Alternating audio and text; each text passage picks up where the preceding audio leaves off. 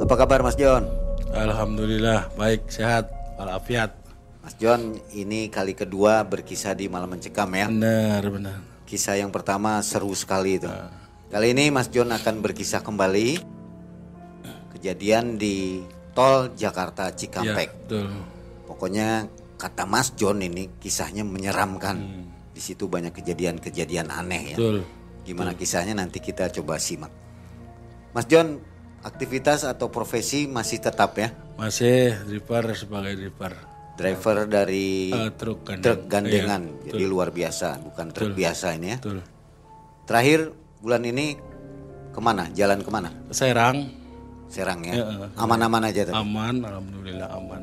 Nah, Mas John ini memiliki banyak kisah karena seorang profesi Ya, supir ini tentu saja akan berjalan malam hari ya, Benar benar benar. melewati hutan atau tempat-tempat angker. Jadi untuk sobat semua yang ingin mendengarkan kisah dari Mas John, silahkan komen di bawah kisah-kisah lainnya maksudnya begitu ya. Dan saatnya kita akan mendengarkan kisah dari Mas John kejadiannya tahun 2005 Lima di tol Jakarta Cikampek. Cikampek ya. Malam mencekam, semakin malam semakin mencekam. Inilah Mas John.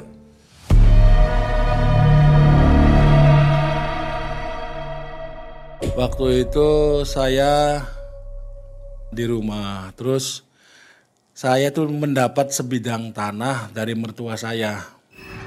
Istri saya bilang, Pak, kalau punya uang sedikit-sedikit bikin pondasi gitu.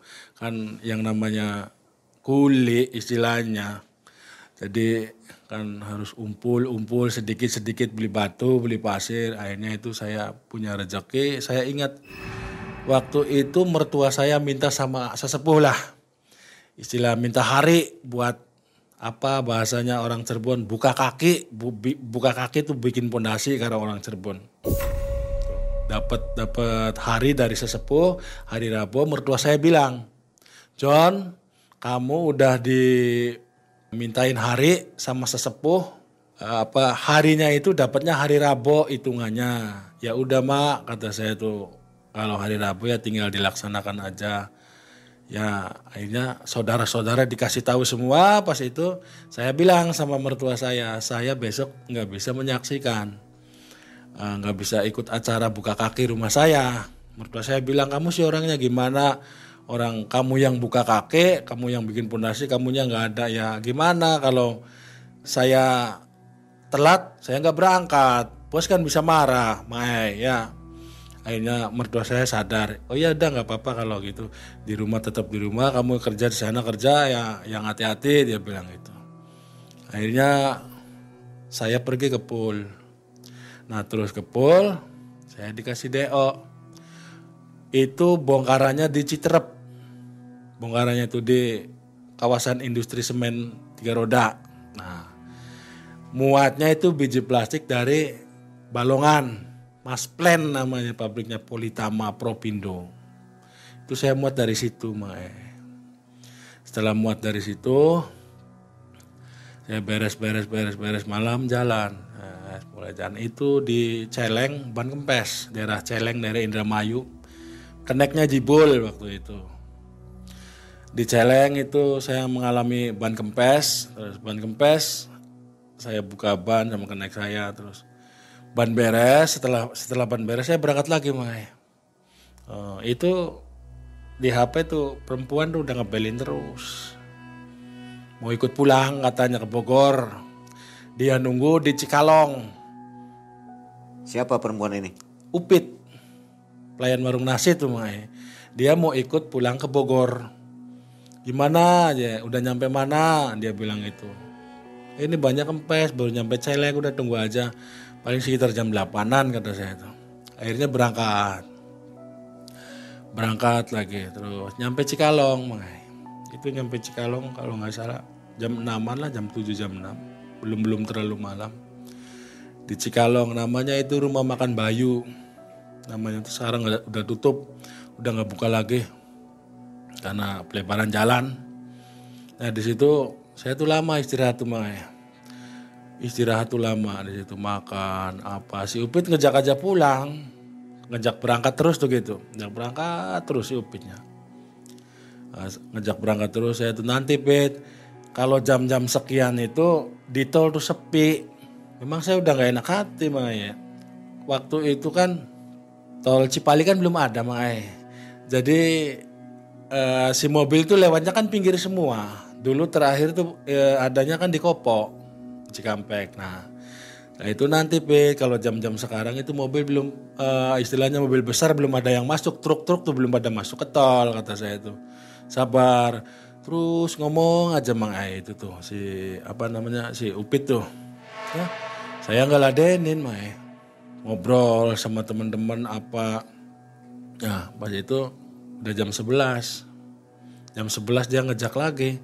Cepet, udah jam 11. Kata dia tuh, saya mau cepet-cepet pulang. Dikasih uang sama saya. Ini kalau kamu mau cepet-cepet, ini aja nih ongkos nih. Saya kasih uang ongkos. Saya nggak berani masuk tol tengah malam tuh. Sebab jam-jam segitu masih jarang lah gitu. Truk kendaraan besar tuh jarang. Memang. Terus itu ngobrol, saya jibul ya tidur aja. Setelah itu kita jam satuan, eh, setengah satuan, saya bangunin jibul. Bul, kata saya tuh kaca dikumbah, biasa kaca dikumbah. Terus ban dikontrolin semua. Itu mau, saya mau berangkat juga kayaknya tuh ragu, ragu-ragu. Sedangkan kata orang tua kan kalau ragu lebih baik nggak usah berangkat kan ya, seperti itu dag dag dag dag aja saya tuh dalam hati tuh berangkat nggak berangkat. Ya kalau berangkat di dalam tol pasti sepi. Kalau nggak berangkat ini si Upit cepet-cepet aja mintanya tuh. Nah sekitar jam satuan lah saya berangkat pelan-pelan. Cuman saya nggak ambil jalan Kopo bukan. Saya ambilnya Kelari Kerawang Timur tuh Mai. Nah, ambil Kerawang Timur. Mau masuk gerbang tol lokasi pasir-pasir banyak mobil pasir bongkar, meledak banyak mengai. Tor. Setelah meledak, ayo bul, bangun bul, bangun kata saya itu ya. Si Jibul turun, akhirnya dibuka. Karena apa mengai?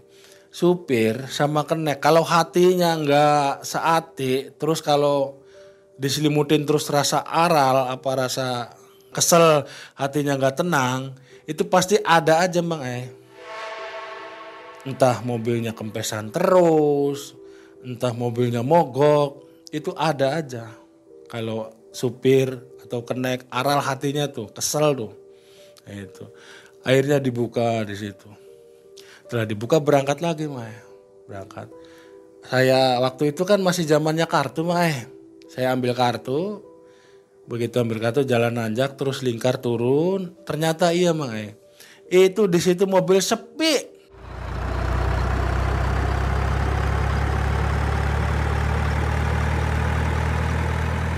nganyep itu saya tuh. Jadi saya bawa mobil itu dak dik duk mangai. Ada kejadian nih.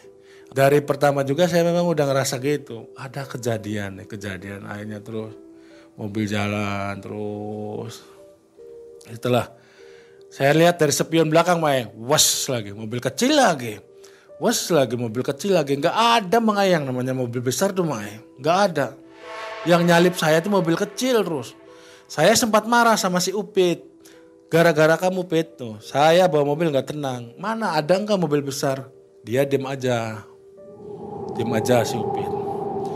Akhirnya terus saya mau masuk Karawang Barat, itu kan ada terowongan, terowongan pintu keluar Karawang Barat ya, Maya. Setelah itu saya lewat di situ, saya lihat di atas tuh Maya ada tronton, wingbox tuh. Tronton itu kabinnya warnanya biru mangsi, biru tinta tuh Maya. Nah, teman saya nggak curiga karena dia datangnya dari atas, dari luar tol, bukan ngikutin dari belakang, Mang Ai. Tuh, dia turun, terus saya di depan gini, pas. Itu si mobil tuh langsung mepet ke depan. Mepet mobil saya, Mang Ai. Ter. Sambil nuding, berhenti. Bilang gitu, mepet terus, mepet. Saya nggak berhenti, Mang Ai itu pembatas jalan itu sampai 24 meter saya babat itu. Pembatas jalan tuh geradak, geradak, geradak, geradak, geradak. Ya Allah, ya Allah saya bilang gitu. Akhirnya blus masuk parit. parit guling. Saya juga kan istilahnya orang mobil, orang kendaraan. Kalau malik tuh bleg sekali ya udah berhenti mang ay. Ini sampai berkali-kali mang ay deg lagi ya Allah kok nggak berhenti berhenti saya tuh ya. Guling pang, guling pang, guling terus deg berhenti. Habis berhenti tuh Duor, bunyi besar, bunyi suara keras lah. Tahu-taunya apa gandengannya telat baru nindihin.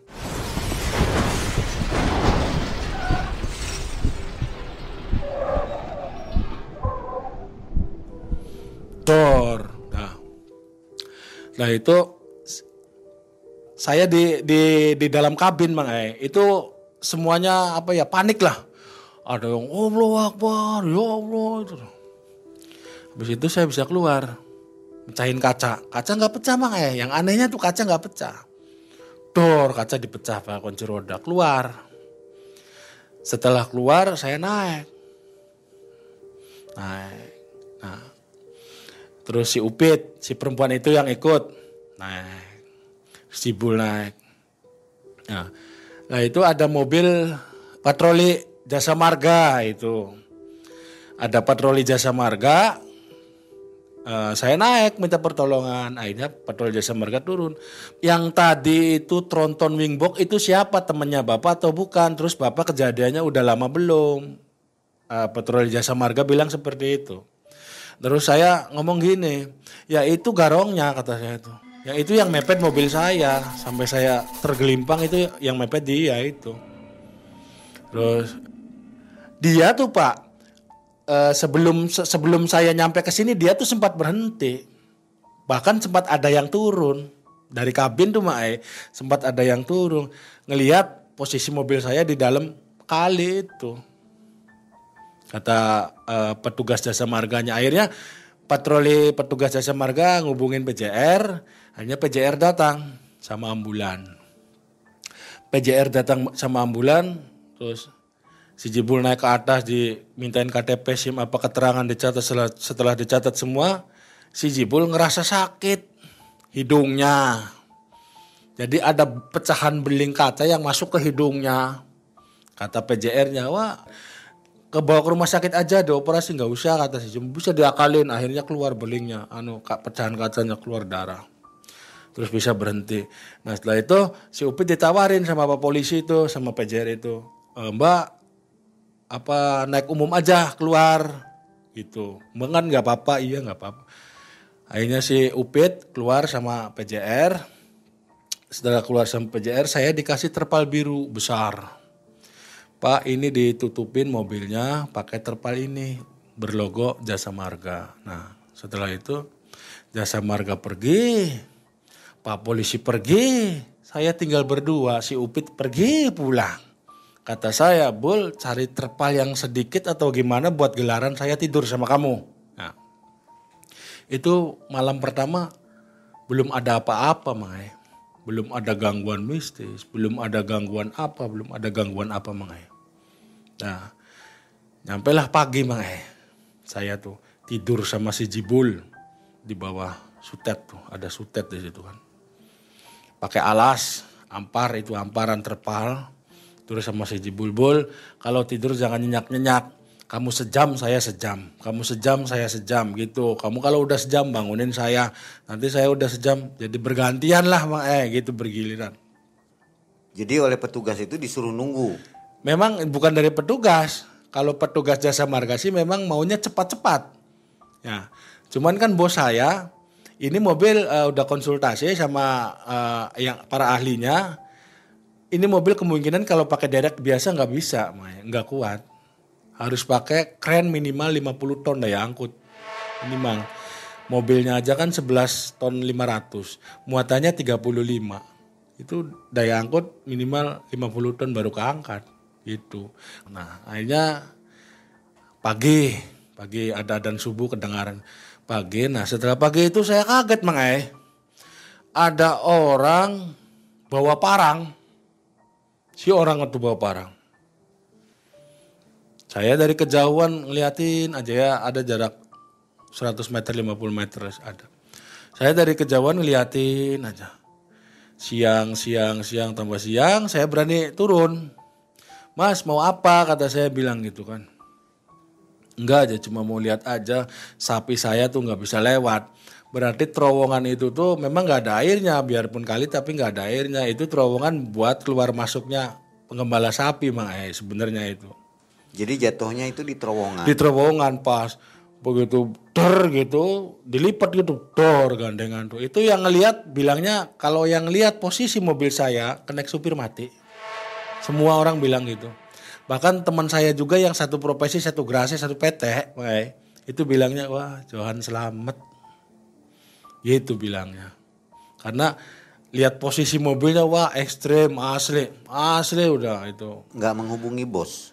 Ya udah, udah setelah kejadian saya ngubungin kantor, kan di kantor kan yang terimanya kan bukan bos.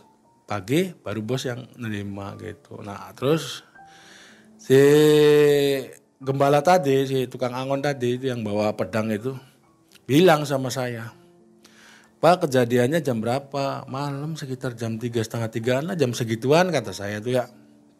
Oh, ya. tapi bapak aneh nggak apa-apa. Bilangnya gitu mang eh sama saya tuh.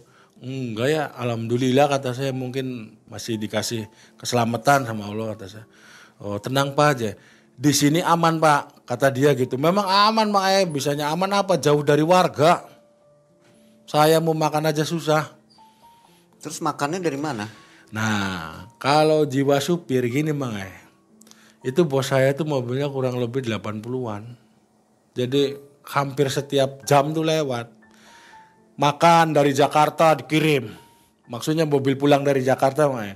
yang dari Cirebon ngirim, gitu aja. Jadi ya alhamdulillah, walaupun dari warga jauh, dari pemukiman jauh, tapi nasi, minum, rokok sampai nggak kemakan, sampai nggak kerokok, Mak. Itu di situ. Solidaritas supir bagus di situ. Nah, terus malam tuh, malam yang kedua itu. Nah, sebelum malam itu di sebelah timur ada tangkal apa kapilayu apa ya orang bilang kapilayu tuh ada tanggal kapilayu besar enggak kecil enggak saya tuh lihat mangai ini pohon enak adem kalau buat tidur kata saya tuh ya jadi saya terpal yang biasa saya malam tidur saya pindah posisi ke sebelah timur nyebrang nyebrang parit itu. Saya tidur di situ mangai itu waktu saya tidur memang mimpinya nggak enak. Nggak enak itu mulai itu, mulai ada pengalaman-pengalaman mistis semenjak tidur di bawah pohon kapilayu itu. Nah, sebelahnya pohon kapilayu itu sampai sekarang mungkin juga ada. Truk molen, nggak bisa diambil itu, nggak bisa diambil, supirnya mati semua. Setelah saya tidur di situ kapilayu, saya tuh ngimpi nggak enak mai, nggak enak mimpinya itu. Maksudnya ketemu makhluk Saya tuh tidur di situ mimpinya ya kalau boleh saya ceritakan itu dikelilingin kepala mangai. Di situ merinding saya tuh. Memang kenyataan. Dah itu. Sore. Nah, setelah maghrib itu baru mulai titik tanda-tanda tanda-tanda saya digoda makhluk-makhluk seperti itu. Pertama setelah maghrib saya dipanggil mangai.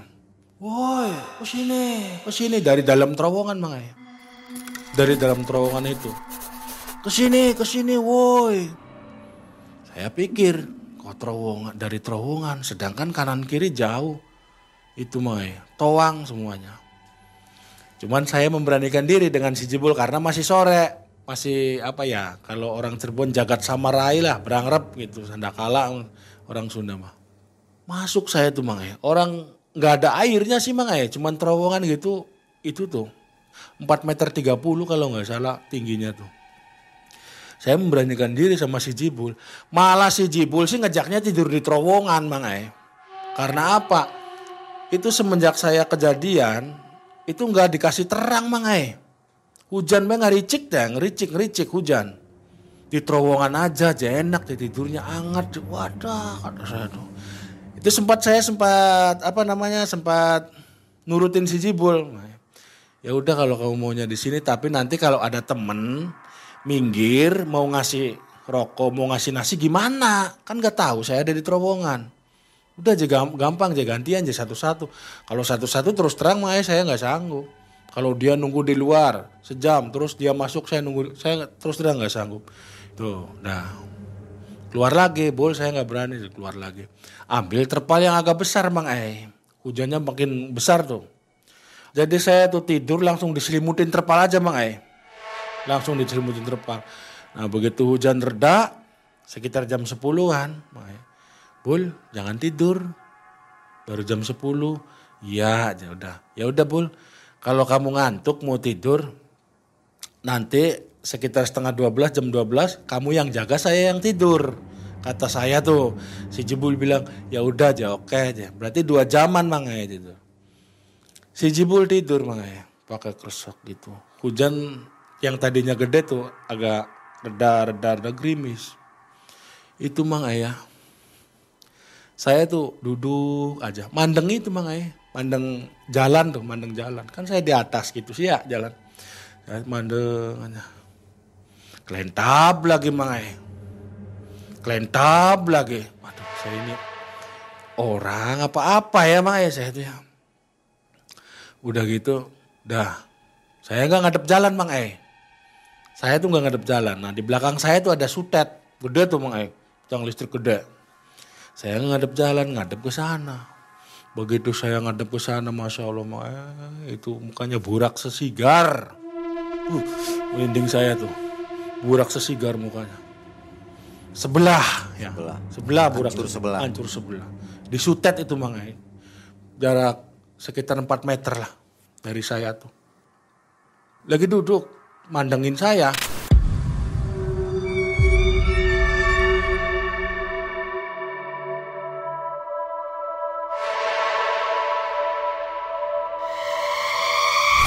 Saya enggak bangunin si Jibul mangai.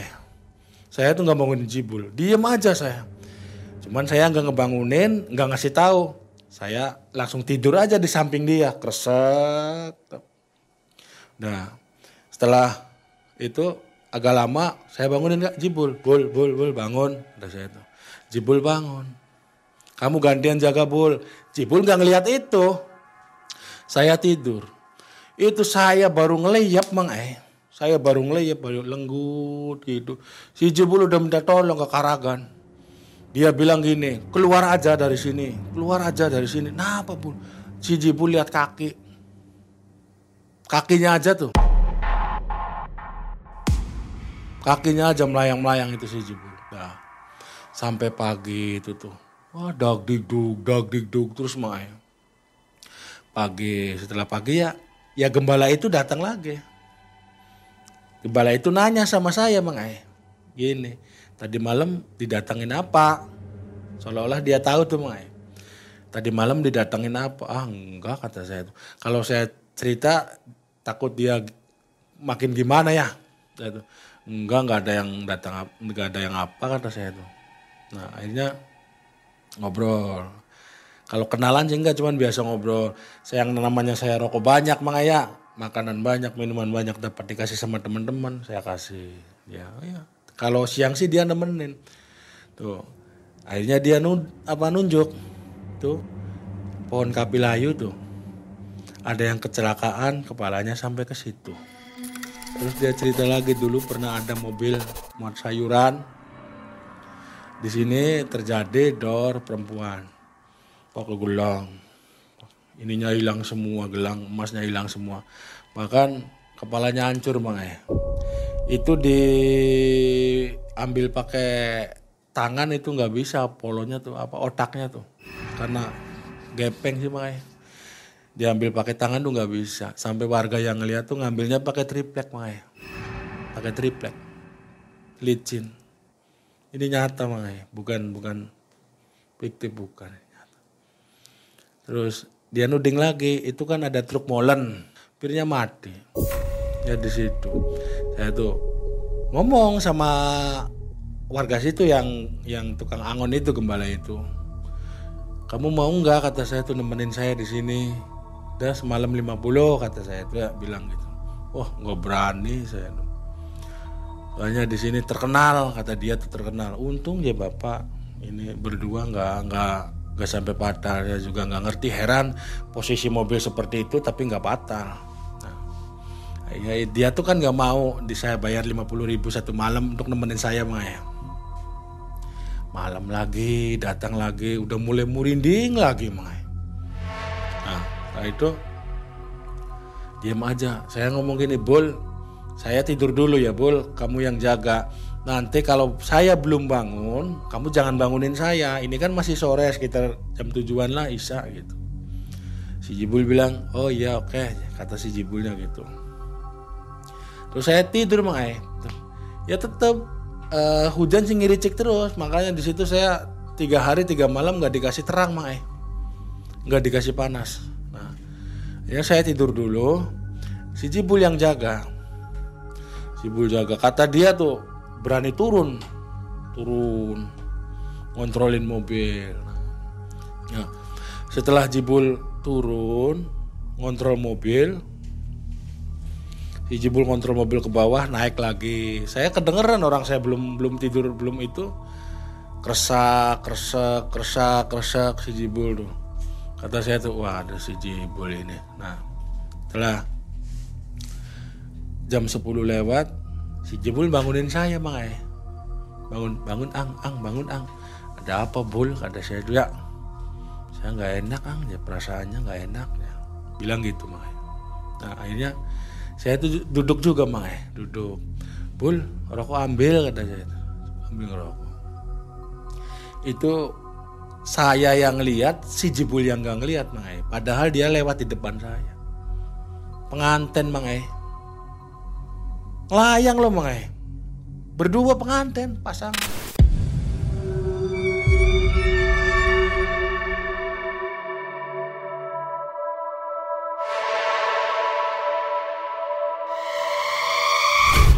pasangan itu. Berdua. Cos layang. Itu si Jibul nggak ngelihat saya aja yang ngelihat. Makanya saya masa kamu nggak ngelihat? Bul enggak nggak ngelihat. Nah setelah itu saya tidur blak si Jibul lagi yang jaga. Kalau si Jibul itu ngelihatnya babi mang eh wah itu di situ ngeri mang eh asli ngeri. Ngeri yakin di situ. Si Jibul lagi duduk itu babi yang ada. Ada entah itu babi babi asli atau babi palsu nggak tahu saya Maya cuman kan yang lihatnya bukan saya. Yang ngelihat kan si Jibul nah itu pagi si itu nongol lagi si tukang sapi itu orang dia kerjaannya kan gembala. Nongol lagi saya cerita baru ini baru cerita mangai mas tadi malam saya tuh ngelihat penganten mas lewat di depan saya. Gembala itu ngomong ya udah jangan cerita. Katanya kata saya tuh mau tahu cerita setiap malam ada apa? Saya ceritain ngomongnya ya udah nggak usah cerita. Jadi kalau saya kejadian dari arah Cikampek ke Jakarta bang ayah kalau pengantin itu kejadian dari arah Jakarta ke Cikampek jalur yang sebelah sana. Memang dulu ada rombongan pengantin yang kejadian pas di atas terowongan ini mati semua. Nah terus bos saya ngebel mang ayah. Nanti aja kalau nggak besok lusa keren dari Tanjung Priok Prim Kopol datang bilangnya gitu. Oh iya bu saya tuh. Terus malam ketiga mang eh nah, setelah malam ketiga si Jibul ngajaknya begitu lagi. Satu jam satu jam. Ya saya tuh nah ya udah bul terserah kamu diatur saya tuh ini malam yang terakhir sebenarnya malam yang ketiga itu. Saya tuh Sibul sejam saya sejam Cibul sejam saya terus aja itu. Yang terakhir itu kejadiannya itu lewat lewat dari jam 12 antara jam 2an saya tuh bul bangun bul bangun. Perasaannya nggak enak kata saya itu ya. Setelah itu Cibul bangun duduk makanya berdua. Lagi ngerokok itu tahu-tahu Mang berdiri di depan uh, saya itu kan ada pohon. Itu tahu-tahu berdiri mang ayah mukanya merah. Ada ininya tanduk. Itu. Ada tanduknya mang ayah itu hampir-hampir pingsan itu dekat mang ayah jaraknya itu dari saya tidur. Oh begitu saya uh, lihat pohon itu sama si Jibu ya kan ngadepnya gitu. Saya lihat pohon itu nong belum nong itu nggak tahu datangnya dari mana mang ayah datangnya nggak tahu dari mana. Tahu-tahu belum genep uh, apa namanya si makhluk tersebut. Ada sungunya merah leces merah. Merah itu. Pakai komprang hitam tuh Mae. pakai komprang hitam merah leces itu si Jibul sama saya tuh kalau dikatakan pingsan pingsan lah sudah nggak sadar. Setelah pok pok saya tuh. Bangun pagi mang eh dikira saya ngimpi mang eh bul kamu tadi malam bener bul? Bener angnya. Bilangnya gitu. Merinding saya mang eh. bener angnya. Bilangnya gitu. Berarti saya kamu lihat saya lihat ya bul? Iya. Cuman apa ya wujudnya sih nggak terlalu besar mang eh cuman menyeramkan. Bertanduk tuh merah. Merah. Itu saya sama si kabul hampir gak kuat hampir pingsan. Nah pagi bos bilang nanti dari Primkopol Tanjung Priok keren datang jam 3an saya kan masih ada waktu santai bang eh. Itu tuh. Ada waktu santai. Jadi saya pagi tuh tidur tiduran ngobrol sama yang angon itu. Telah tidur tiduran eh tahu-tahu apa? Saya lagi tidur bang eh diselimutin sampah sama orang gila bang eh. Asli nih bang eh. Asli nyata ini. Diselimutin sampah. Orang gila mungkin kasihan ya sama saya. Tidur nggak ada selimutnya mungkin. Yang saya aneh si Jibul diam aja nggak nggak. Wah sana sana pergi atau gimana? Saya diselimutin sampah sama orang gila. Begitu saya bangun wah sampah semua kata saya tuh. Si Jibul ketawa tadi ada orang gila bawa sampah jadi urugin tuh sampai segitunya kisah saya tuh. Uh, jadi driver tuh. Jam 3 datang Primkopol datang itu kata teman saya ya makanya kata teman teman saya itu macetnya sampai tol Cikopo. Macetnya tuh peristiwa pengangkatan mobil saya tuh. Macet total sampai sampai orang keren di tengah-tengah tol angkat gitu macetnya sampai ke tol Cikopo. Akhirnya alhamdulillah beres. Mobil ditarik masuk ke rest area terus ngurus kartu tol. Kartu kartu tol kan hilang mah ya. Ngurus-ngurus kartu tol udah udah beres saya keluar. Nyampe ke Gerasi malah bos nggak percaya. Kamu tuh ngantuk. Bilangnya gitu. Ngantuk? Enggak bos saya nggak ngantuk tanya tuh si Jibul saya nggak ngantuk tetap bos nggak percaya itu nuduh nuduh ya bukan nuduh ya nyangka nyangka saya ngantuk gitu bukan bukan dibajak padahal saya udah jelasin tuh saya itu dipepet dibajak gitu Itu modus si truk yang biru tadi Hmm. apa ya? Kok mepet tapi ditinggalin nggak ngambil apa-apa. Eh, itu kan karena saya melawan Mai. kalau saya nggak melawan abis banyak teman saya yang seperti itu misalkan dipepet dor saya berhenti turun dia. Itu dia di, di, di, di dalam mobil itu minimal tujuh orang. Minimal tujuh orang delapan orang. Kalau Rampok ya? rampok. Kalau saya berhenti itu turun. Itu habis saya mobil di bawah saya dibuang. Banyak teman saya kejadian seperti itu. Jadi karena ini terguling terguling dia lari. dia lari. Mobil tidak bisa disela- di, dibawa sama dia. Itu.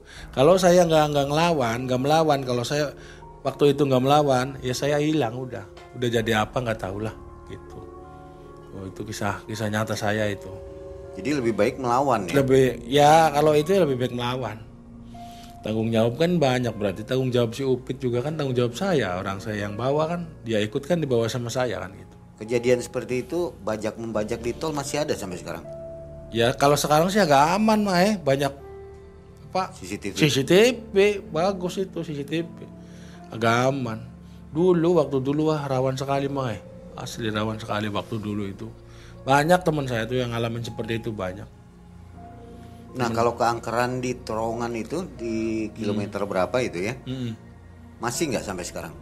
ya masih mah eh Sering kejadian. masih sering di situ saya juga kalau lewat situ memori yang dulu teringat kembali saya kalau lewat ke situ wah itu nggak enak lah kalau lewat ke situ tuh kayaknya suka nggak ah, mending jangan dilihat saya tuh.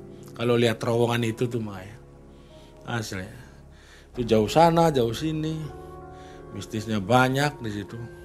Ya tuh aduh udah tiga hari tiga malam nggak dikasih terang di situ. Digodain terus sama makhluk-makhluk yang kayak gitu saya tuh. Mas John nggak minta bantuan orang tidur di situ? enggak enggak minta Enggak, bantuan itu. personil gitu. Enggak, enggak, enggak minta bantuan personil, enggak. Paling ya kadang-kadang ya itu aja teman minggir ngan kasih nasi, ngasih rokok, ngasih aqua, udah gitu aja. Eh, temen empat, yang satu ngasih uang, yang satu ngasih apa rokok, yang satu ngasih nasi, gitu Mai. Misalkan dari sini empat lagi ya kayak gitu satu, enggak nasi semua enggak, itu misal satu uang, satu rokok, satu nasi gitu. Ternyata itu daerah apa sih Mas Yon? Maksudnya apa tempat siluman atau negara yang siluman? eh, eh, yang yang yang kata yang gembala tukang gembala itu kalau yang dari arah Cikampek ke Jakarta itu sawah kalau yang dari Jakarta ke Cikampek itu kata gembala itu kuburan dulunya kata gembala itu ya eh, ngomongnya kuburan yang yang sebelah sana kuburan kalau yang sebelah sini itu sawah sawah. Nah tempat Mas Jon jatuh yang kuburan. bukan yang di sawah. Arah dari Cikampek ke Jakarta Mae. Yang kuburan itu yang dari Jakarta ke Cikampek arah balik arah pulang gitu. Jadi eh, kata si gembala itu waktu saya lihat pengantin juga dia ngomongnya gitu. Waktu kejadian ya di atas kuburan itu. Di atas itu di jalur yang arah Jakarta ke Cikampek gitu. Kalau saya yang sebelahnya dari Cikampek ke Jakarta gitu. Informasi dari si gembala itu tuh Mai. Ya kan tapi kan saya ke sananya kan nggak tahu ya orang saya bukan warga situ Mang Ai. Yang tahu kan gembala itu. Cuman gembala itu cerita sama saya kayak gitu. Kalau sebelah sana apa bekas kuburan digusur bilangnya gitu. Kalau sebelah sini yang bapak eh, kecelakaan itu bukan kuburan sawah biasa tegal gitu bilangnya mah Nggak ada cerita spesial ya. Ya cerita nggak ada, nggak ada di situ apa keramat, ada spesial enggak. Ya itu yang spesialnya eh, mistisnya tuh kecelakaan terus di situ tuh mah. Terus barang-barang aman ya? Barang-barang itu apa satu sak juga nggak ada yang hilang mang Ai. Aman, aman. Karena nggak ada warga mang Ai. Karena nggak ada warga waktu itu di Oke. situ. Dari kisah ini ada yang ingin disampaikan nggak pesan terbaik dari Mas Jon? Ya saya sih mau berpesan gini ya sama teman-teman sesama driver sama supir. Kalau lelah lebih baik istirahat, jangan dipaksakan gitu. Jangan badan lelah, mata ngantuk dipaksakan, nanti kan akhirnya jadi bahaya, jadi apa ya belai lah kecelakaan. Lebih baik kalau capek atau gimana ngantuk lebih baik tidurlah. Uang dapat dicari tapi kan nyawa Nyawanya Le- satu ya. Iya lebih berharga dan harus ingat anak istri di rumah kan gitu. Nah pesan untuk driver apabila ada pembajak-pembajak seperti ini seperti apa? Kalau pesan saya gini, waktu zamannya rawan itu, kalau berani dilawan, kalau nggak berani lebih baik diserahkan. Soalnya urusannya nyawa, urusannya nyawa. Terus kalau bisa hindarilah jam-jam rawan. Jam-jam rawan itu harus dihindari. Lebih baik berangkat pagi daripada tengah malam. Kita bisa istirahat lu, istirahat dulu. Lebih baik berangkat pagi, adan subuh baru berangkat nggak apa-apa. Lebih baik macet daripada rawan di nanti tengah jalan. Itu pesan saya itu. Itu jangan jangan sembrono lah. Orang hidup di jalan berhadapan dengan apa ya namanya itu Maya Bahaya. bahaya. Tuh, kalau saya waspada kan, insya Allah bahaya kan bisa dihindari. Tuh. Tapi untuk zaman sekarang sih udah nggak ada ya Alhamdulillah. di jalur itu. Iya, alhamdulillah zaman sekarang sih udah aman, aman bener-bener aman. Mau jalan siang malam aman. Mau jalan siang, jalan malam satu eh, jalan udah rame, kendaraan rame. Terus kedua kan ada apa namanya itu? Apa CCTV ya, ya? Ada CCTV. Tadi alhamdulillah sekarang sih aman. Dulu tuh tahun 2010 ke bawah itu yang rawan itu. Ya. Tahun 2010 ke bawah itu rawan sekali di situ, rawan udah pokoknya di situ. Nah, sobat malam mencekam itu beberapa kisah dari Mas Jon ya. Kisah yang pertama di Alas Roban dan ini di tol Jakarta, Jakarta eh, Cikampek Jakarta ya. Cikampek ya. Baik, ini Mas Jon masih memiliki banyak cerita nih. Masih ada, yang lainnya Masih nih. ada yang lainnya. Untuk sobat MM yang suka dengan Iya. kisah dari Mas Jon, petualangan driver ini, Hmm. kalau suka silahkan komen di bawah ya. Oke Mas John, terima ya, kasih banyak ah. kisahnya uh, menambah info iya. tentang dunia driver dan iya. tentang dunia goib ya. Hmm. Mudah-mudahan kita terhindar dari masalah itu. Tetap tingkatkan keimanan dan ketakwaan betul, kita kepada betul. Allah Subhanahu wa taala. Betul ya. Akhirnya Mang Ei, Mas John undur ya. diri. Ah. Assalamualaikum warahmatullahi wabarakatuh.